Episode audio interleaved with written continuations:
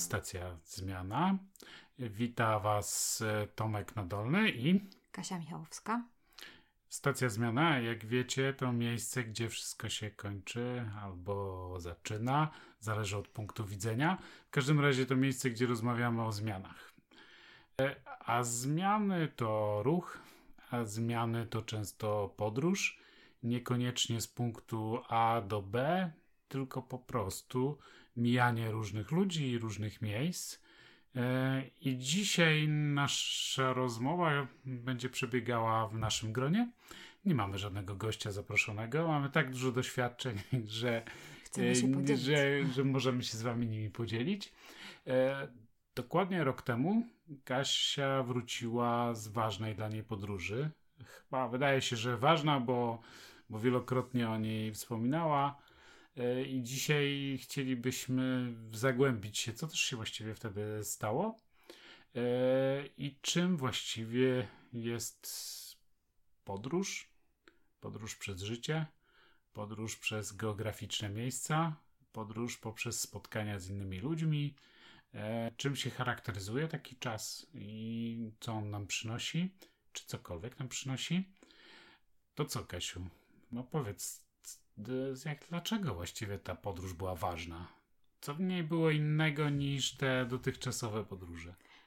Ciekawe to jest, Tomek, bo mówisz, że była ważna, ale tak jak mówisz dobrze, że ja faktycznie dużo o niej mówię, więc musiała być ważna, ale jak tak naprawdę jeszcze szczerze powiedziawszy, to chyba ona jeszcze tak nie zaowocowała, że tak mogę powiedzieć, że ona była ważna. Wiesz o co chodzi? Że to taki, takie ciekawe to jest, że y, mogę też o tym opowiedzieć, bo wtedy te słowa nabierają znaczenia, dają, dają yy, temu znaczenie. Y, było tak, że w ubiegłym roku siostra y, miała takie marzenie. Znowu mówię o siostrze, ważna osoba w moim życiu. Y, zaprosiła mnie, żebym z nią przebyła tak, taką podróż, ze względu na to, że obejrzała film o Camino, o tym jak ludzie przechodzą tą trasę i była bardzo zainspirowana i mówi Kasia, słuchaj, chciałabym pójść, czy byś mi towarzyszyła. Ze względu na to, że my faktycznie rzadko się widujemy, bo to jest taka nieustanna tęsknota, ona mieszka w innym kraju. Yy, stwierdziłam, że chciałabym z nią pójść, żeby po prostu być z nią ten czas, żeby przegadać te wszystkie słowa, które mamy nieprzegadane, żeby przeżyć te różne nowe przygody, bo tylko wracam wspomnieniami do tego czasu dzieciństwa, kiedy miałyśmy więcej czasu. I dlatego z tego powodu zdecydowałam się z nią pójść yy, w tą drogę, co w Polsce no, nie jest znane, bo też y, pytałam dużo ludzi o Camino. Ludzie raczej y, kojarzą to z pielgrzymką, a pielgrzymkę kojarzy się z wyprawą do Częstochowy, a jak jest wyprawa do Częstochowy, to od razu się kojarzy z takim, no, taką, bym powiedziała, zorganizowaną wycieczką pieszą, gdzie jest. W której jest niewiele milczenia, za to jest dużo śpiewania. Jest, Nigdy nie byłam, przyznam. Są, więc są megafony. Aha, czyli ty jest, byłeś Tomek, widzę O, ja byłem kilka razy. O, proszę bardzo. Także, no właśnie, po, powiedz, ja wiem, że istnieje nawet y, na Pomorzu istnieje dość y, sprawna, sprawna, no nieliczna, ale taka dość głośna grupa ludzi, którzy yy, tworzą lub próbują tworzyć takie coś wirtualne yy, szlak świętego Jakuba w sensie produktu turystycznego, czyli on ma być takim sposobem budowanie miejsc powiązanych tą trasą, ma być takim sposobem związania jednego produktu turystycznego, ale chyba nie to mamy na myśli. E, więc jakbyś właśnie słuchaczom powiedziała, czy, czy właściwie jest to Camino, bo, on, bo ten motyw się pojawia często w literaturze, też w różnych artykułach angielskojęzycznych. Dla tamtej części Europy to jest bardzo takie oczywiste odwołanie i ono, to, to jest coś innego niż zorganizowana pielgrzymka do Częstochowy, więc jakbyś mogła powiedzieć, co to jest? E, Kamino, mm, tak się mówi o Kamino, że to jest, y, zaczyna się od momentu wyjścia z Twojego domu. Więc tak naprawdę, i wiem, znam takich ludzi, którzy też właśnie tak zrobili, że założyli plecak, bo coś się stało, bo coś się wydarzyło w ich życiu, bo może coś ich bardzo zabolało, może coś bardzo uwierało i wyszli i zaczęli iść. I dlatego mówi się o tym, że Kamino jest taką osobistą wędrówką, z celem, ze względu na to, że idzie się do Santiago de Compostela, czyli do miejsca, gdzie według y, legendy y, znajdują się szczątki y, świętego Jakuba.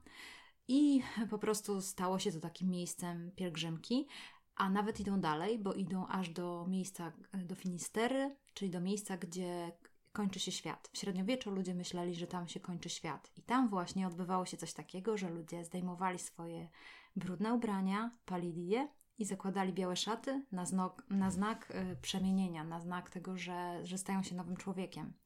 I to jest bardzo ciekawa metafora, ciekawy mm, obraz, czym jest właśnie taka podróż. Y, Camino, tak jak mówisz tutaj o tym... Czyli mhm. narodzili się na nowo.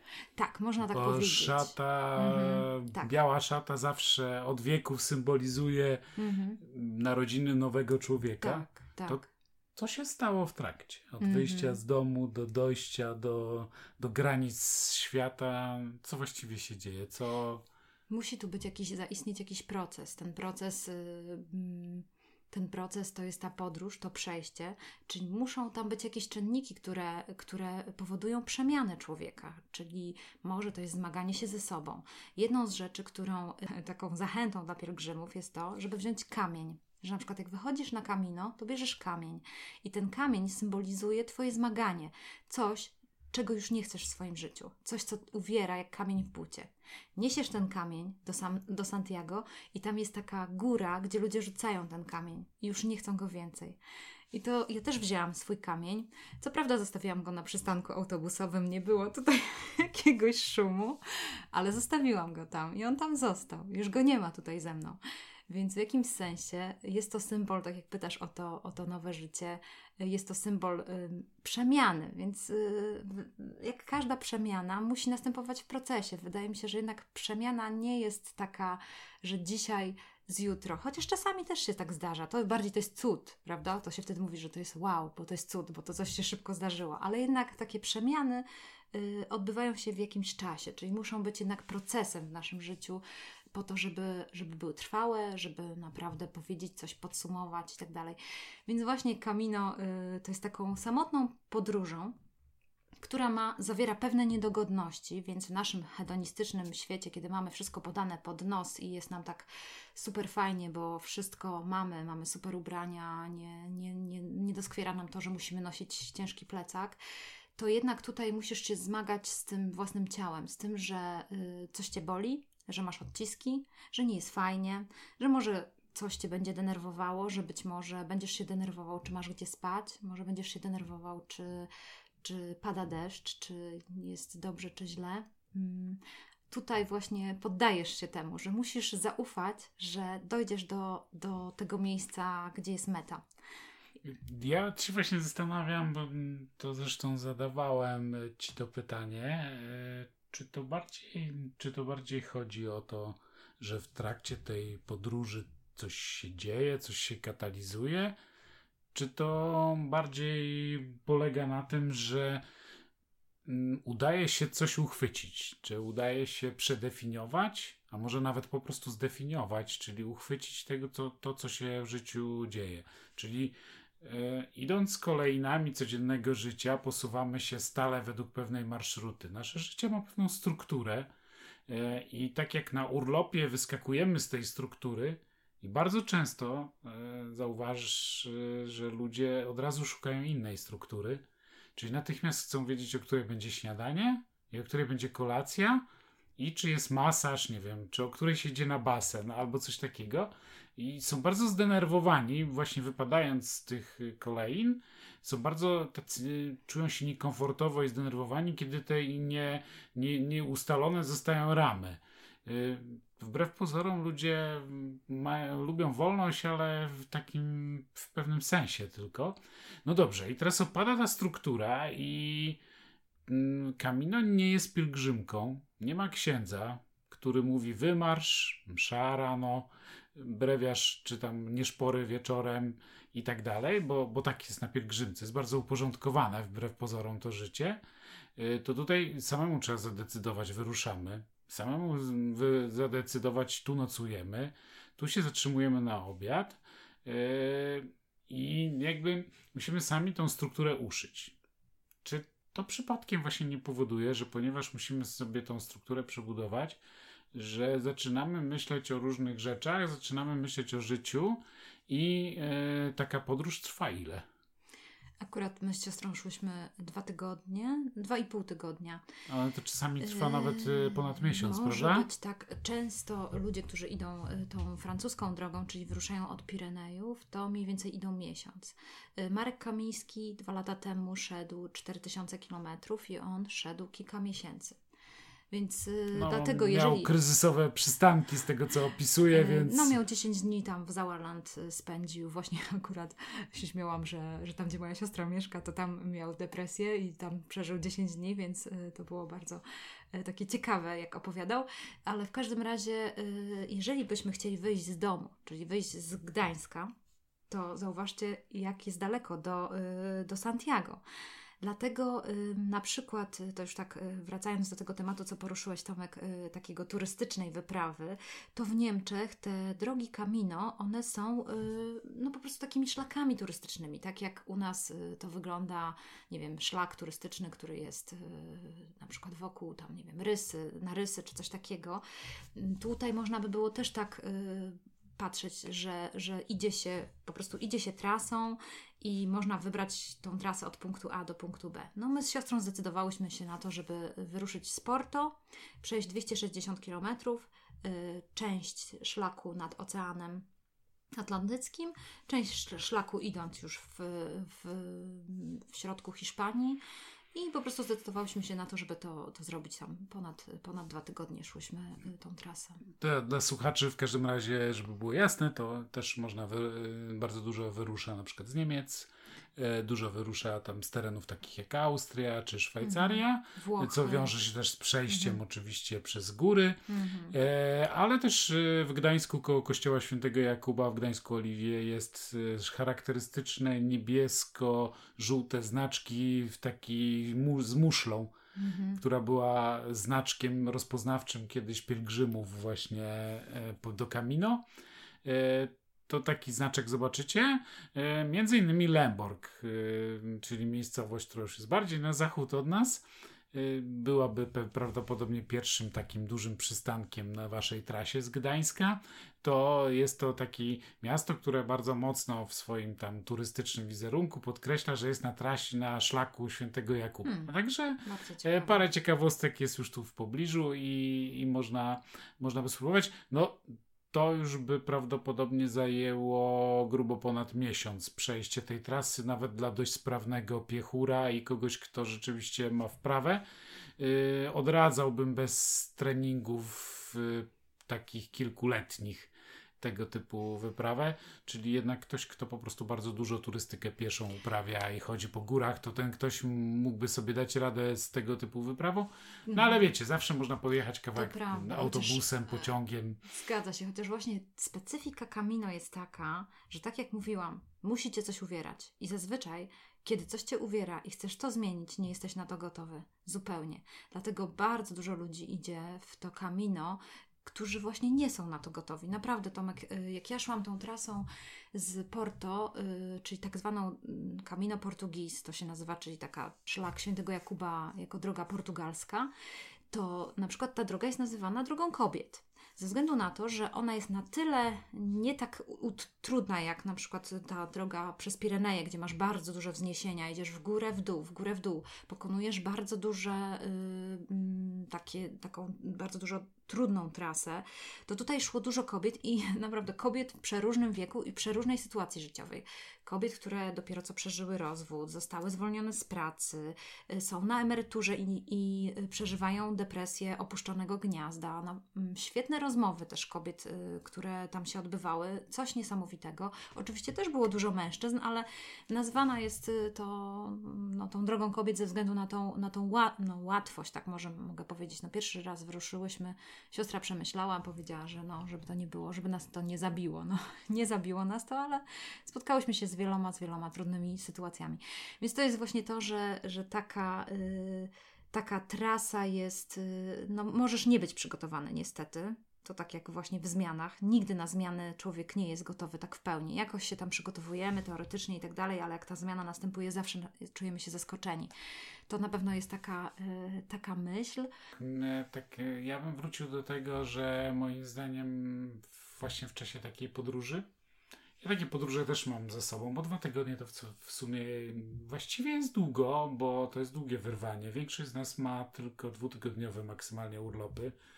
Oczywiście od czasu do czasu gdzieś czytamy blogi podróżnicze, w których ktoś wyruszył na miesiąc. Niedawno mieliśmy rozmowę z Jakubem Górnickim, y, który potrafi podróżować pra prawie całe życie. Podziwiam takie osoby, że tak potrafią też to zorganizować, ale oni mają ich koleje życia według innego porządku działają. Ale dochodzi moim zdaniem do pewnych zjawisk podczas tego i chciałem się ciebie zapytać, co właściwie dochodzi, bo mm, takie mam wrażenie, że ty sama jeszcze do końca nie wiesz, co się stało. E, I czy nie uważasz, że to właśnie polega na tym, że po pierwsze wchodzisz w kompletnie inny teren. Po, pierwsze, po drugie, wchodzisz w kompletnie inną kulturę, wchodzisz w inne rośliny, wchodzisz w innych ludzi, nieoczekiwanych, zupełnie nie wiesz, co cię za rogiem spotka. Nie wiesz, co będziesz jadła wieczorem. E, no, no, w sensie możesz zaplanować, że kupisz po drodze hamburgera, ale to jest właściwie wszystko, co masz zaplanować. Nie wiesz, czy będą wygodne łóżka, czy będą bardzo niewygodne. E, cały ten szlak ma tak, że on ma takie noclegownie jakby zorganizowane i jadłodajnie, czyli jakby sieć miejsc, które dość masowo są w stanie przyjąć po niewysokich kosztach e, duże ilości osób tego to też mówię, bo pewnie słuchacze tego nie, sobie nie potrafią wyobrazić, ale to takie trochę hostelowe warunki i to takiego tańszego hostelu, e, czyli dla ludzi zachodu bardzo skromnie. E, no tak. Czasami bardzo ładnie, czasami mniej ładnie. Tak, no i tak mniej więcej to też działa na pielgrzymkach do Częstochowy. Nie wiem jak teraz. W każdym razie za czasów komunistycznych tak działało, że raz nocowało się u kogoś w domu, w pokoju na materacu, czasami cię w, do łóżka położyli normalnego, a i była łazienka i w ogóle, a czasami w stodole spało na przykład 50 osób e, i musiały się myć tak pod wężem na podwórku, bo innego, innego nie było. Więc jakby tego samego typu doświadczenia. Ale w każdym razie to spotkanie z innymi ludźmi, z inną kulturą, zwyczajami, e, z innymi samochodami na drodze i ptakami innymi, bo jednak mimo wszystko i przyroda i i to, że, że często się trafia w miejscach, gdzie jest ubogo i bogato i w ogóle wszystko jest inaczej niż, niż, niż wyobrażenia nasze o danym miejscu są. Moim zdaniem to jest właśnie to, dzięki czemu spoglądając w, te, w tych ludzi, w te zjawiska, zaczynamy coś tam definiować, co zostawiliśmy.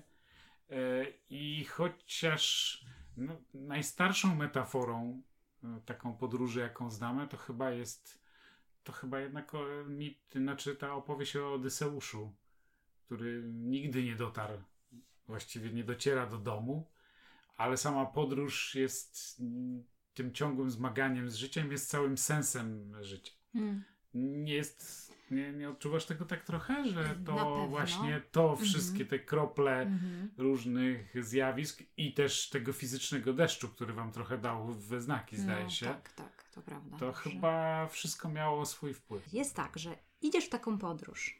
To jest jak w podróż w życie. Po prostu używasz narzędzi te, które masz. Czyli to, co umiesz, to, co spróbowałeś w życiu. Ale niektóre sytuacje zupełnie będą na tyle zaskakujące, na tyle. Mm, spowodują, że nie będziesz się znajdował w, w, obszarze swojego komfortu, tylko będziesz musiał wejść w strefę ryzyka, a czasami nawet znajdziesz się w strefie paniki. I to spowoduje, że Twój obszar y, taki, y, no właśnie tych Twoich umiejętności, narzędzi emocjonalnych na pewno się rozszerzy. I ja przez tą podróż bardzo dużo y, jakby no, znalazłam nowe narzędzia, nowe sposoby, nowe umiejętności radzenia sobie z różnymi sytuacjami, ze stresem, z tym, że muszę na przykład, no nie wiem, czy to sobie wyobrażasz, że, że bierzesz no, plecak, nie powinien ważyć więcej niż 10% Twojego ciała, masy Twojego ciała, więc mój plecak musiał ważyć 6,5 kg, więc ja musiałam wziąć y, trzy pary majtek. Napada, muszę je uprać. One rane nie wysychają, są mokre.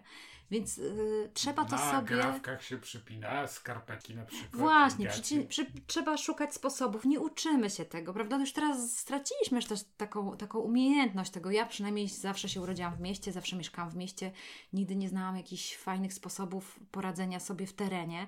I tutaj trzeba sobie radzić, trzeba, trzeba wymyślać, mm, trzeba się nauczyć spać z innymi, to co dla, in, dla innych naprawdę może być dużym wyzwaniem, bo znałam takie osoby, które miały duże lęki i to był naprawdę wielki problem, że musisz spać w ogromnej sali, gdzie milion ludzi, jeden zaczyna chrapać, drugi zaczyna chrapać, więc trzeba czymś sobie zatkać uszy, prawda?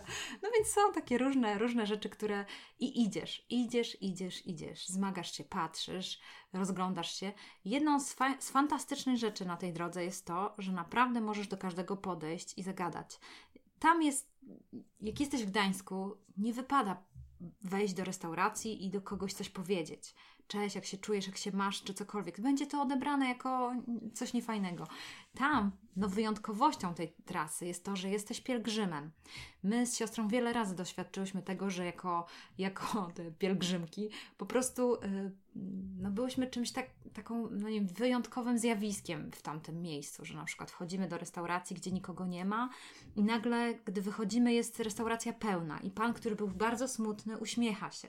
Więc tutaj yy, masz wrażenie, że, że dotykasz jakiejś metafizyki. Tutaj to już nawet jest to ciężko jakoś określić, ciężko wyjaśnić. To trzeba naprawdę poczuć, żeby, żeby, to, żeby tutaj y, to doświadczyć. I dopiero to widzę, wiesz, z perspektywy czasu. Więc te różne narzędzia, które tam zaistniały, ja dopiero teraz widzę, że przywiozłam tam z tego Santiago całą walizkę pełną różnych narzędzi, z których zupełnie sobie nie zdawałam sprawy. Na przykład jedną z rzeczy, no jedno narzędzie Ci podam. No, coś nam nie wychodzi, nie? Co, wiecie, coś, coś jest denerw denerwującego. Na takiej drodze myślisz sobie, muszę dojść do następnego drzewa. Gdy dojdziesz do tego drzewa, musisz, myślisz sobie, muszę dojść do następnego drzewa. Wyznaczasz sobie małe punkty dojścia do Twojego celu. Twój cel jest tak cholernie daleko, że nawet jak myślisz o tym, to chcesz płakać, bo myślisz, że tam nigdy nie dojdziesz. Po prostu nigdy nie znajdziesz się u celu. Nigdy nie, nie zobaczysz. Wydaje Ci się to tak nierealne, ale idziesz od drzewa do drzewa, bo to jest jedyny sposób, żeby tam dotrzeć. I powiem Ci, że to jest niesamowite narzędzie, które bardzo pomaga mi. Widzę teraz po tym roku, jak bardzo miałam zajęty rok, jak też razem wspólnie uruchomiliśmy ten, e, tą stację zmiana i dużo rzeczy, coraz więcej się dzieje w życiu, jak bardzo to jest ważne, żeby myśleć o tym, e, o tych poszczególnych Wie, myślisz o celu, ale jednak ten, ten, ten bliski cel jest ważny. Więc jest bardzo dużo takich rzeczy, które odkrywam wciąż na nowo i na nowo. O moim zdaniem kluczową rzecz tutaj teraz mówisz i odkrywasz, być może teraz, ale że, że tak naprawdę podróż i jej, jej efekty i wpływ na nasze życie jesteśmy w stanie ocenić długo po jej zakończeniu.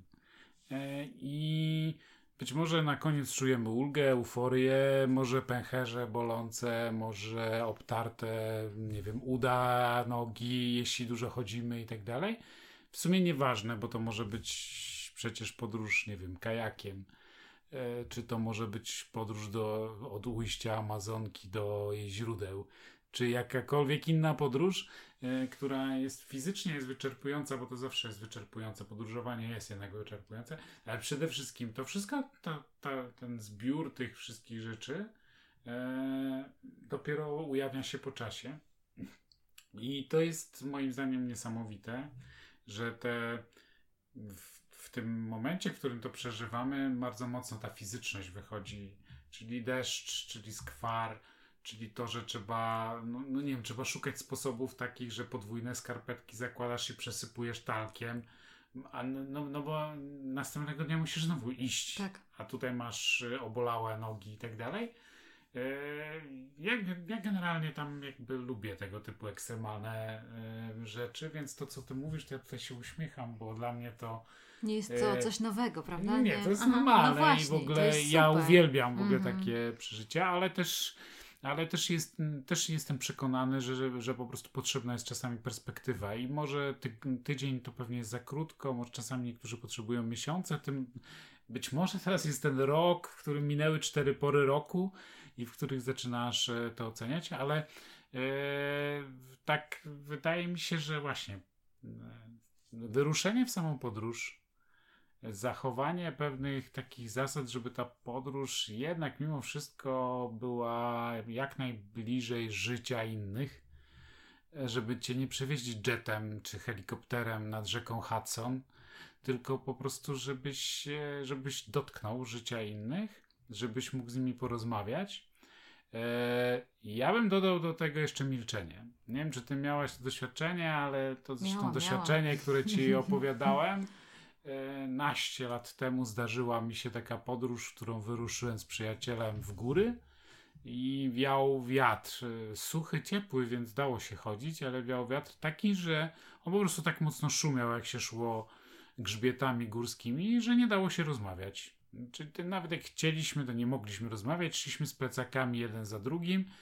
Yy, Wiatr też nam trochę nami bujał, więc trzeba było bardzo uważać, żeby z tym plecakiem się nie przewrócić, nie przeważył. One ważyły więcej niż 6 kilo, e, bo tam mieliśmy namioty, wszystko i tak dalej. Także szliśmy i mijały godziny, potem dni. Yy, Wieczorem oczywiście mogliśmy pogadać, kiedy zeszliśmy do miejsca, gdzie nocowaliśmy. I mijały dni i coś się działo. Zupełnie nie wiedziałem, co się działo. Dopiero jak to się skończyło, to zobaczyłem, że coś we mnie zaszło. To było bardzo ważne i to miało wielkie skutki później dla mojego życia, dla tego, co się potem wydarzyło, jakie decyzje potem podjąłem, dla, dla tego, kim jestem dzisiaj. Dzisiaj to z perspektywy nastu lat wiem, że to tak było. To była kilkudniowa zaledwie podróż e, w, w niesamowitej przyrodzie i w wśród. e, Nie było tam właśnie ludzi, była cisza. Mm. E, można powiedzieć wiatr wiał, że niby nie ciszę. Nie, bo to nie chodzi o ciszę, e, to chodzi o pozbawienie się wpływu różnych bodźców. Taki wiatr niedostajnie wiejący to jest jeden bodziec, który przytłumia wszystko inne. E, I, I to było niesamowite. Nie wiem, czy właśnie też masz e, tego typu doświadczenie, e, bo wydaje mi się, że każdy, kto wyrusza w podróż taką, która odczuwa, że coś trzeba zmienić, że z czymś nie może wytrzymać, że uwiera cię kamień w bucie, jak to mówimy, to jeśli planujesz taką podróż, to koniecznie ją zaplanuj tak, żebyś miał czas na, dla siebie. Mm. Tylko dla siebie. Tylko i nikomu innemu y, nie daj w ten czas wchodzić. Po prostu to jest Twoja podróż i Ty sam ze sobą przede wszystkim idziesz, e, a nie z innymi.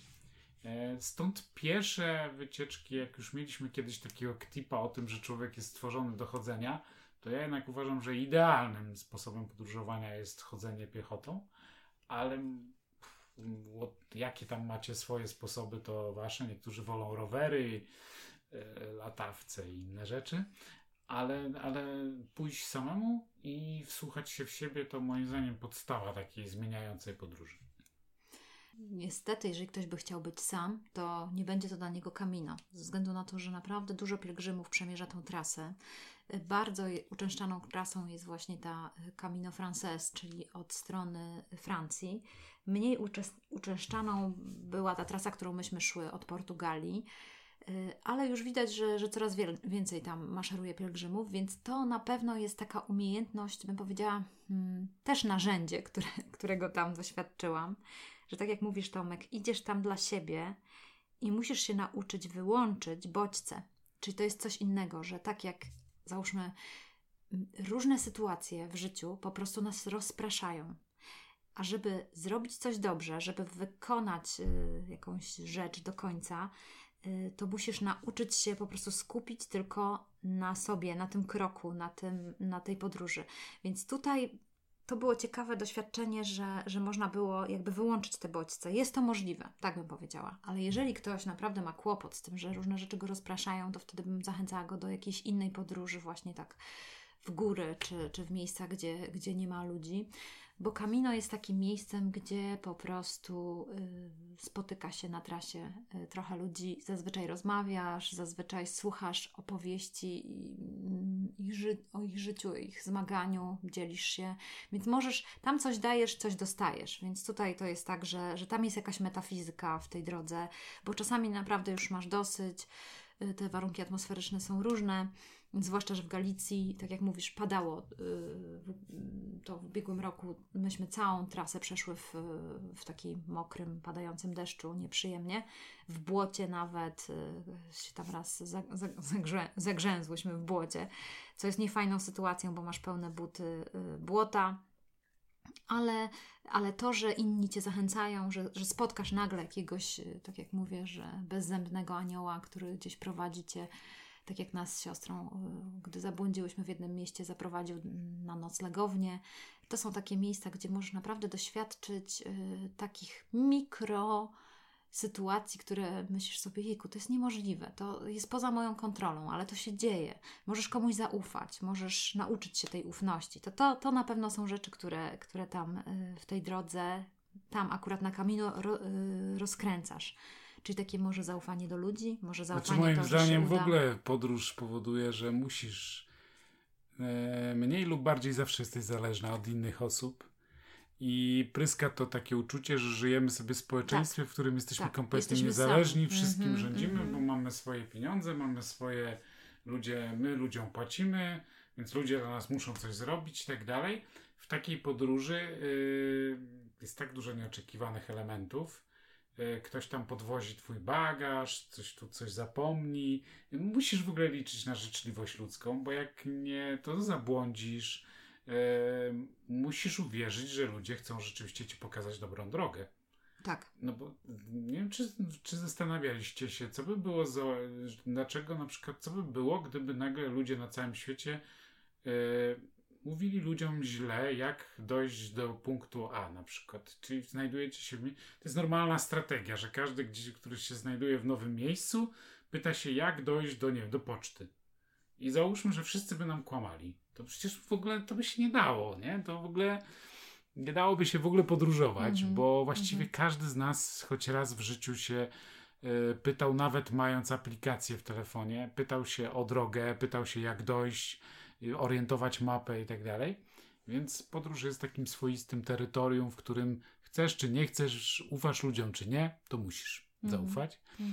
E, musisz się z nimi spotkać. Ja też nie mówię o tym, że to milczenie, no nie, rozum, nie, nie rozumiem go dosłownie, ale w takim e, pójściu tego typu zawsze możesz iść metr za kimś albo możesz tak. koło niego po prostu tak. iść i z nim rozmawiać, mm -hmm. a możesz po prostu zwolnić kroku lekko albo przyspieszyć mm -hmm. i idziesz sam. Tak.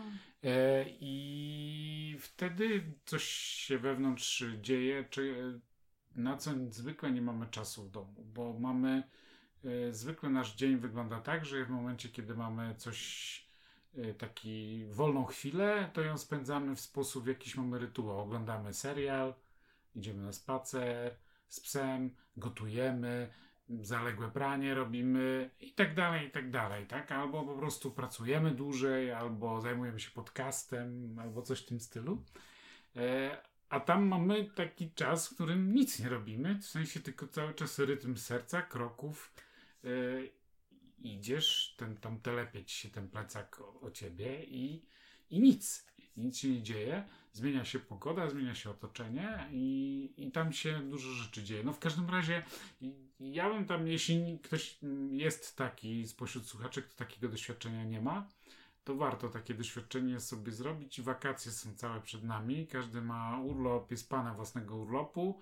E, moim zdaniem dużo lepsze niż pojechanie na plażowanie gdzieś tam nad e, E, znaczy, moim zdaniem, mm -hmm, tak? -hmm. Każdy z nich spędza Każdy, urlop jak tak, chce, chce. Mm -hmm. ale na przykład no, no, dla, dla mnie dużo fajniejsza forma wypoczywania i taka rozwijająca mocno, niż na przykład pobyczyć się tydzień na plaży, co mnie już drugiego dnia męczy, ale ale to wiecie, każdy. każdy no na pewno to jest trudne w tym sensie, że niektórzy nie wyobrażają sobie tego, żeby umyć włosy zimną wodą, czy na przykład nie być, nie, nie mieć możliwości umycia się, albo mieć taki lęk, że możesz nie znaleźć miejsca do noclegu. To są takie rzeczy, które ciągle, ciągle, tak jak mówię, wyciągają cię ze strefy komfortu.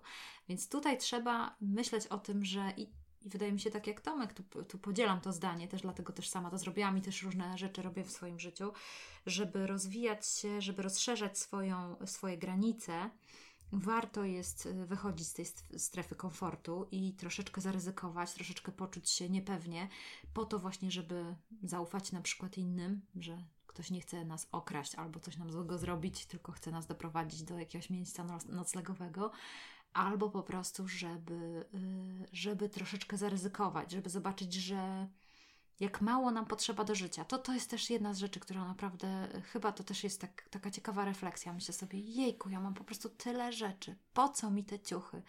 po co mi tyle tego wszystkiego, rozumiesz Tomek, nie? To to było też takie ciekawe. Myślę sobie, kurczę, wystarczy jeden plecak, gdzie po prostu masz tam kilka rzeczy, wygodne buty, jakieś spodnie, które Cię nie uwierają i naprawdę można iść dalej. Ludzie są życzliwi, dają jedzenie. Mm, no wiadomo, że, że ta wycieczka nie jest bezpłatna, no bo tam trzeba zapłacić za, za noclegi, ale jeżeli by naprawdę się chciało, to też, to też ludzie by przygarnęli. No my akurat tak y, patrzyłyśmy, że, że no miałyśmy pieniądze na to, żeby zapłacić za te, za te miejsca noclegowe, więc, y, więc płaciłyśmy.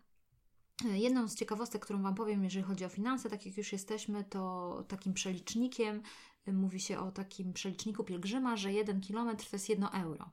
Ale to jest y, po prostu taki przelicznik naj, najuboższy, tak by powiedziała takie miejsca, tak jak myśmy w Portugalii na przykład jadły obiad, który był złożony z trzech dań, tak zwane menu peregrino, czyli dla pielgrzymów jedzenie, no to było około 5 euro.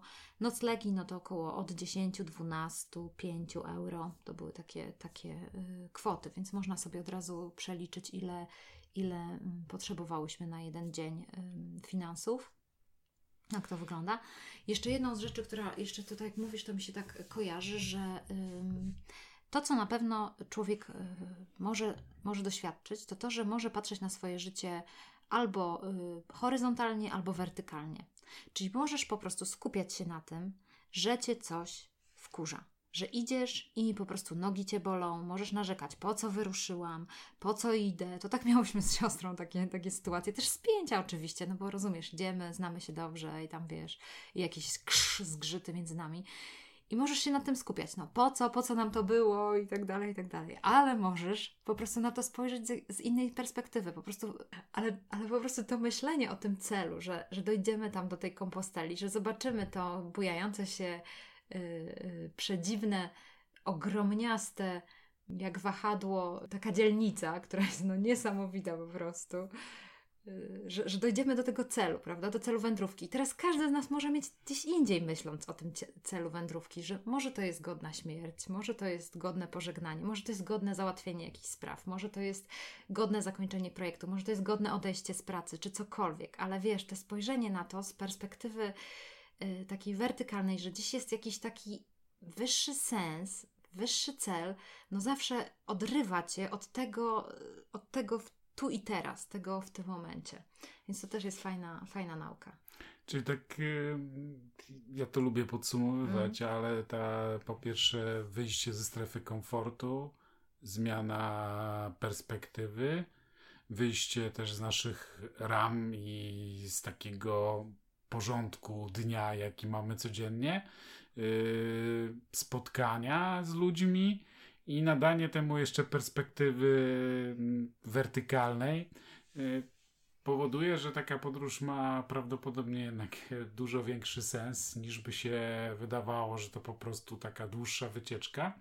Więc yy, gdy, oczywiście pewnie każdy co innego z takiej podróży wyciąga, inaczej ją interpretuje, ale niedawno się zgadaliśmy, że oboje mamy podobne doświadczenia. Ja miałem jeszcze takie doświadczenie, że kiedy byłem e, no, w takim miejscu dla mnie bardzo znaczącym, e, w którym przez rok byłem w jednym miejscu kompletnie, w grupie ludzi kompletnie tej samej. Wszystko było tam, tam każdy dzień był podobny do drugiego. E, to na urodziny dostałem taki prezent. E, widać było, jakby jak ludzie, którzy z tobą są tak blisko, że cały czas z tobą przebywają, widać, jak oni ciebie znają. Bo wymyślili mi prezent, który no, ewidentnie był najlepszy dla mnie. E, lepszego nie można było wymyślić. Wypuścili mnie, na, że mogłem sobie pójść na cały dzień sam ze sobą, gdzie mnie oczy poniosą. Bylebym wrócił przed 24 z powrotem. I tak zrobiłem. Wróciłem umęczony, śmierdzący. E, musiałem strasznie śmierdzieć, moim zdaniem, i podwozili mnie jacyś miejscowi roz, takim rozwalonym golfem, e, którzy moi żałowali tego, że mnie zapakowali do środka. Ale bo to był po prostu jak wyruszyłem o 7 rano, tak cały czas drałowałem dość szybkim tempem, a upał był straszliwy. Więc to było takie ciekawe i mi ta podróż, ja do dzisiaj ją pamiętam e, pod wieloma względami i takie tego typu wędrówki zawsze miło wspominam i one zawsze potem katalizują we mnie e, różne ciekawe rzeczy. Więc podróż ma, podróż ta taka, zauważcie, że to jest motyw, który się z przerwy pojawia w literaturze, to jest motyw biblijny i Chrystus z apostołami ewidentnie cały czas był w takiej podróży nieustannej i, to widać, że oni, że oni są cały czas takimi e, pielgrzymami od wydarzenia do wydarzenia, poprzez kazania i tak dalej. E, ten Mojżesz który musiał poczekać, aż wszyscy wymrą, e, całe pokolenie, żeby wymarło. Ta podróż musiała być taka aż mocno czyszcząca, czyli taka wyrywająca wszystkie chwasty ze społeczeństwa, żeby mogła się zakończyć sukcesem. To zobaczcie, że to są najstarsze przecież e, mity i, i, i opowieści, jakie, jakie ludzkość nosi. E, I one się powtarzają właściwie bez przerwy. Więc w tych podróżach jest moc jakaś wielka. I, I może po prostu warto sobie, kiedy myślić, kiedy szukacie, jesteście w takim momencie rozdroży, e, sami nie wiecie, co ze sobą zrobić, albo nie wiecie, jesteście w takim przededniu podejmowania jakichś decyzji, ale zupełnie nie wiecie, czego się złapać, e, to wydaje mi się, że to może jest jedna z lepszych rzeczy, jaką możecie sobie zafundować. Wyciągnąć mapę, e, pomyśleć, co bym chciał zrobić, gdzie jeszcze nie byłem, kogo jeszcze w życiu nie poznałem, jakie miałem od dzieciństwa marzenie zobaczyć. Te podróże zwykle nie są wcale drogie, jeśli podejdziemy do nich na tak na surowo i z plecakiem i z butami dobrymi. Buty dobre to się przydają. Tak, to e, Ale jeśli tak podejdziecie, to ja bym namawiał do takiej podróży. E, mhm. Jak ktoś we wrześniu będzie chciał nam opowiedzieć z takiej podróży, jeśli ona cokolwiek zmieniła, a może za rok we wrześniu e, będzie nam chciał powiedzieć, to fajnie by było. My takich też ludzi dookoła siebie znamy, którzy te zmieniające podróże przeżyli, ale ja jestem pewien, że, że takie czasami nawet wyjście na dwa dni, sobotę i niedzielę, w kompletnie inne otoczenie, tak, w którym tak, żyjemy, tak. gdzieś mhm. w przyrodę, między mhm. ludźmi, którzy mają trochę mniej zmartwień, trochę mniej siedzą w internecie, mhm. e, trochę na przykład bliżej są ziemi, jabłonek i różnych takich miejsc, to warto do tam zajść. Warto do Tak, jednym z pomysłów y, to tutaj powiemy naszego kolegę pomysł, który przemierzał wybrzeże, y, wybrzeże bałtyckie i naprawdę można zrobić świetną trasę. Też starał się tam szukać jakichś noclegów y, i świetnie. Jeden z naszych znajomych, tak, Krzysztof Romański. Krzysztof Romański, tak, tak, ale tak. też mhm. jednego z moich znajomych z kolei, tak. ojciec co roku pokonuje pokonuje całe wybrzeże Bałtyku polskie, e, czyli od tam od Świnoujścia, mm. czy od granicy właściwie, od Uznam do, aż do granicy z Rosją. Pokonuje wzdłuż morza e, i to robi co roku. Mm -hmm. Stara się pobijać Przepiękna swoje rekordy tak, życiowe, prędkości. Mm -hmm. Ma już tam jakieś pewnie swoje patenty pod tym względem, ale całą linię brzegową przechodzi. Może to jest jakiś pomysł, Właśnie, no. bo mhm. może jest tu trochę mniej niepewności, kiedy chodzimy po polskiej ziemi wśród polskich No tak, ludzi. to prawda, bo hiszpański, że się go nie zna, to jest wyzwanie. Dla mnie był. Tak samo portugalski, naprawdę można się nauczyć rozmawiać nogami i rękoma. To było naprawdę ciekawe. To co? Kończymy. Komu czas goni ten w drogę w takim razie? Życzymy Wam dobrych podróży. Inwestujcie, inwestujcie dobrze swój czas y, wakacyjny. To może jest dobra, dobre życzenie. Na czasie. Na czasie. No i prosimy oczywiście, jeżeli to Was zainteresowało, piszcie, lajkujcie, podawajcie dalej. Będziemy bardzo wdzięczni. A tak swoją drogą, gdyby komuś się chciało nam wysłać wiadomość, bo wy zwykle wysyłać nam wiadomości zamiast gdzieś publicznie coś napisać, no ale rozumiemy, jesteście wstydliwi. Gdyby się wam chciało napisać, czy wolicie tego typu rozmowy, czy wolicie wywiady, czy trochę tego, trochę tego, to jest dobrze, to też będzie dla nas jakaś miła informacja, bo może wcale nie są tak interesujące te rzeczy, o których opowiadamy, jak się nam wydaje. e, dla mnie były na tyle doniosłe, że i tak nie uwierzę, jak mi ktoś powie, że to mało interesujące, ale, ale możecie spróbować. Dobrze. Dziękujemy Wam bardzo. Dziękujemy bardzo. Jak wiecie, tipy na stacji Zmiana dotyczą różnych rzeczy, z którymi chcielibyśmy się z Wami podzielić, czyli takie nasze różne haki życiowe, e, umiejętności, aplikacje, czasem książki, czyli coś, co nam pomaga w życiu żyć lepiej, e, sprawniej, e, a może przyjemniej. Trudno powiedzieć. W każdym razie, w kontekście dzisiejszego podcastu, czyli drogi, podróży, to wiecie, drogi się nie da dobrze przejść, jeśli się do niej nie przygotuje. Co prawda potem po drodze jeszcze wypada mnóstwo innych rzeczy, ale tak, no, takim właśnie e, dobrym sposobem na to, jak próbować takie rzeczy uporządkować i jak zrealizować różne cele, które są rozłożone w czasie, odległe i jak być upartym i wytrwałym, to ja mam wam, mogę wam polecić jedną rzecz, którą ja robię. E, może mniej więcej opiszę, co to jest. E, dzieliłem się z Wami taką aplikacją CoachMe. Widziałem, że bardzo dużo ludzi to słuchało i nawet tam lajkowało na SoundCloudzie. E, wiem, że sporo ludzi z tego typu rzeczy próbuje korzystać. Mam też dużo ludzi, których obserwuję na tym CoachMe i wiem, że nie wszystkim się udaje być regularnie jakiś wysiłek ponosić. Ale mam też rzecz, którą praktykuję od kilku miesięcy E, to taka tabelka. Ta tabelka już się ciągnie, ma, y, ma, ma kolumny co jeden dzień, ale y, w tej tab ta tabelka zaczęła się od tego, że kilka miesięcy temu postanowiłem pisać co miesiąc, codziennie jeden post y, na blogu po angielsku. Chciałem po prostu trochę poprawić moje umiejętności pisania po angielsku wyobraźcie sobie, że tam mam już grubo ponad 200 postów yy, napisanych po angielsku i czasami jak już jest bardzo późno i sobie przypomnę, że mam do napisania postu, czasami jest jedno zdjęcie z kilkuzdaniowym dosłownie czy jednym zdaniem opisu, ale dla mnie jest ważne, żeby zrobić chociaż ten jeden gest.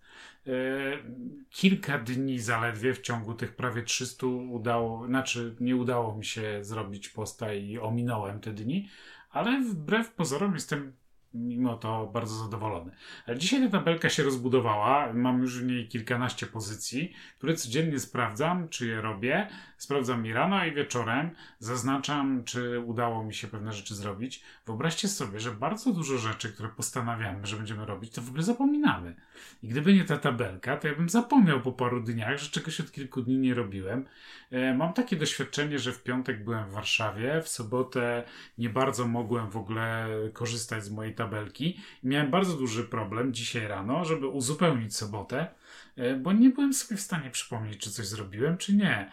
E, czy daną rzecz na pewno zrobiłem, czy nie zrobiłem. Z czasem zaczęły się tam pojawiać trochę bardziej skomplikowane rzeczy, jak na przykład medytacja codziennie kilkuminutowa. E, trochę ta lista się rozbudowała i słuchając podcastu e, Michała Śliwińskiego z Nozbi z jego kolegą, e, stwierdziłem, że ta lista jednak musi być redukowana, czyli ona nie może mieć więcej, dużo więcej pozycji niż kilkanaście. Michał mówi, że ma tam kilkadziesiąt, ale to chyba jest za dużo. To się samo sprawdzanie zajmuje zbyt dużo czasu, nie mówiąc o wykonywaniu tych rzeczy. Tak więc doszedłem do tego, że około 12 pozycji trzymam i staram się te mniej ważne wywalać, albo jeśli uznam, że coś już mi weszło w krew na stałe, to po prostu to wywalam z tej listy. E, takie moje doświadczenie jest, że po około 2-3 miesiącach cokolwiek byście w życiu robili, to staje się waszym nawykiem. E, I to i w jedzeniu, i w spaniu, i w jakichś takich rzeczach typu na przykład picie lub nie picie alkoholu, po trzech miesiącach nie picia alkoholu człowiek w ogóle przestaje myśleć o tym, że go nie pije. E, czy nawet zupełnie nie szuka miejsca czy pretekstu do tego. E, wbrew pozorom wiele naszych, e, naszych jakby czynności życiowych musi polegać na obudowaniu rytuałami, bo to widać po tym, jak łatwo, jak łatwo, no nie jest tak łatwo przez trzy miesiące ciągnąć jakieś przyzwyczajenie, czy, czyli odzwyczajać się od. Także bardzo Wam polecam taką tabelkę, która ma codziennie jedną kolumnę i ma rzeczy, na których Wam zależy. Próbujcie. Yy, można też sobie na przykład wytyczyć tak, że jakieś rzeczy chcielibyście robić tylko 5 razy w tygodniu, na przykład. e, co daje wam pewne pole manewru. Możecie czasami sobie dać jeden dzień luzu, odpocząć i tak. Ale jeśli chcecie regularnie coś osiągać już w takim fizyczności, e, chcecie coś trenować, nie wiem, rower, rolki, chcecie rzeczywiście na przykład pilnować kwestii żywieniowych albo spania, to naprawdę polecam tego typu rzeczy jak zmienianie przyzwyczajeń. Ciągnijcie coś przez kilka tygodni i potem nam meldujcie na stacji zmiana, czy to się udało, bo to jest bardzo, e, bardzo dobry zwyczaj. E, I jeśli szykujecie się do wakacji, do jakichkolwiek tego typu wyjazdów, to wiem, że ludzie dzielą się na takich, którzy jadą zupełnie na pałę i na takich, którzy dość szczegółowo to przygotowują. Ja należałem do tej pierwszej grupy. Im jestem starszy, tym coraz bardziej przechylam się w tą drugą. E, ale generalnie dużo rzeczy jednak mm, jest uporządkowanych i ma swoje miejsce, kiedy człowiek sobie chociaż trochę to przemyśli, e, spojrzy wcześniej, e, zajrzy na mapę do rozkładu jazdy. Naprawdę warto. Warto zmieniać swoje przyzwyczajenia, warto troszeczkę się natrudzić. I jak jeszcze udało Wam się sięgnąć do tej książki, którą polecaliśmy niedawno, Duckworth Pani, E, to jak to razem wszystko połączycie, te kropeczki, to wtedy wam wyjdzie, jak wiele można zrobić. I moje ostatnie lata to chyba jest taki żywy dowód, że można. Oczywiście nie jestem zbyt zadowolony, ale trochę tak. Więc e, życzę Wam równie dobrego samopoczucia za jakiś czas. Na razie, hej.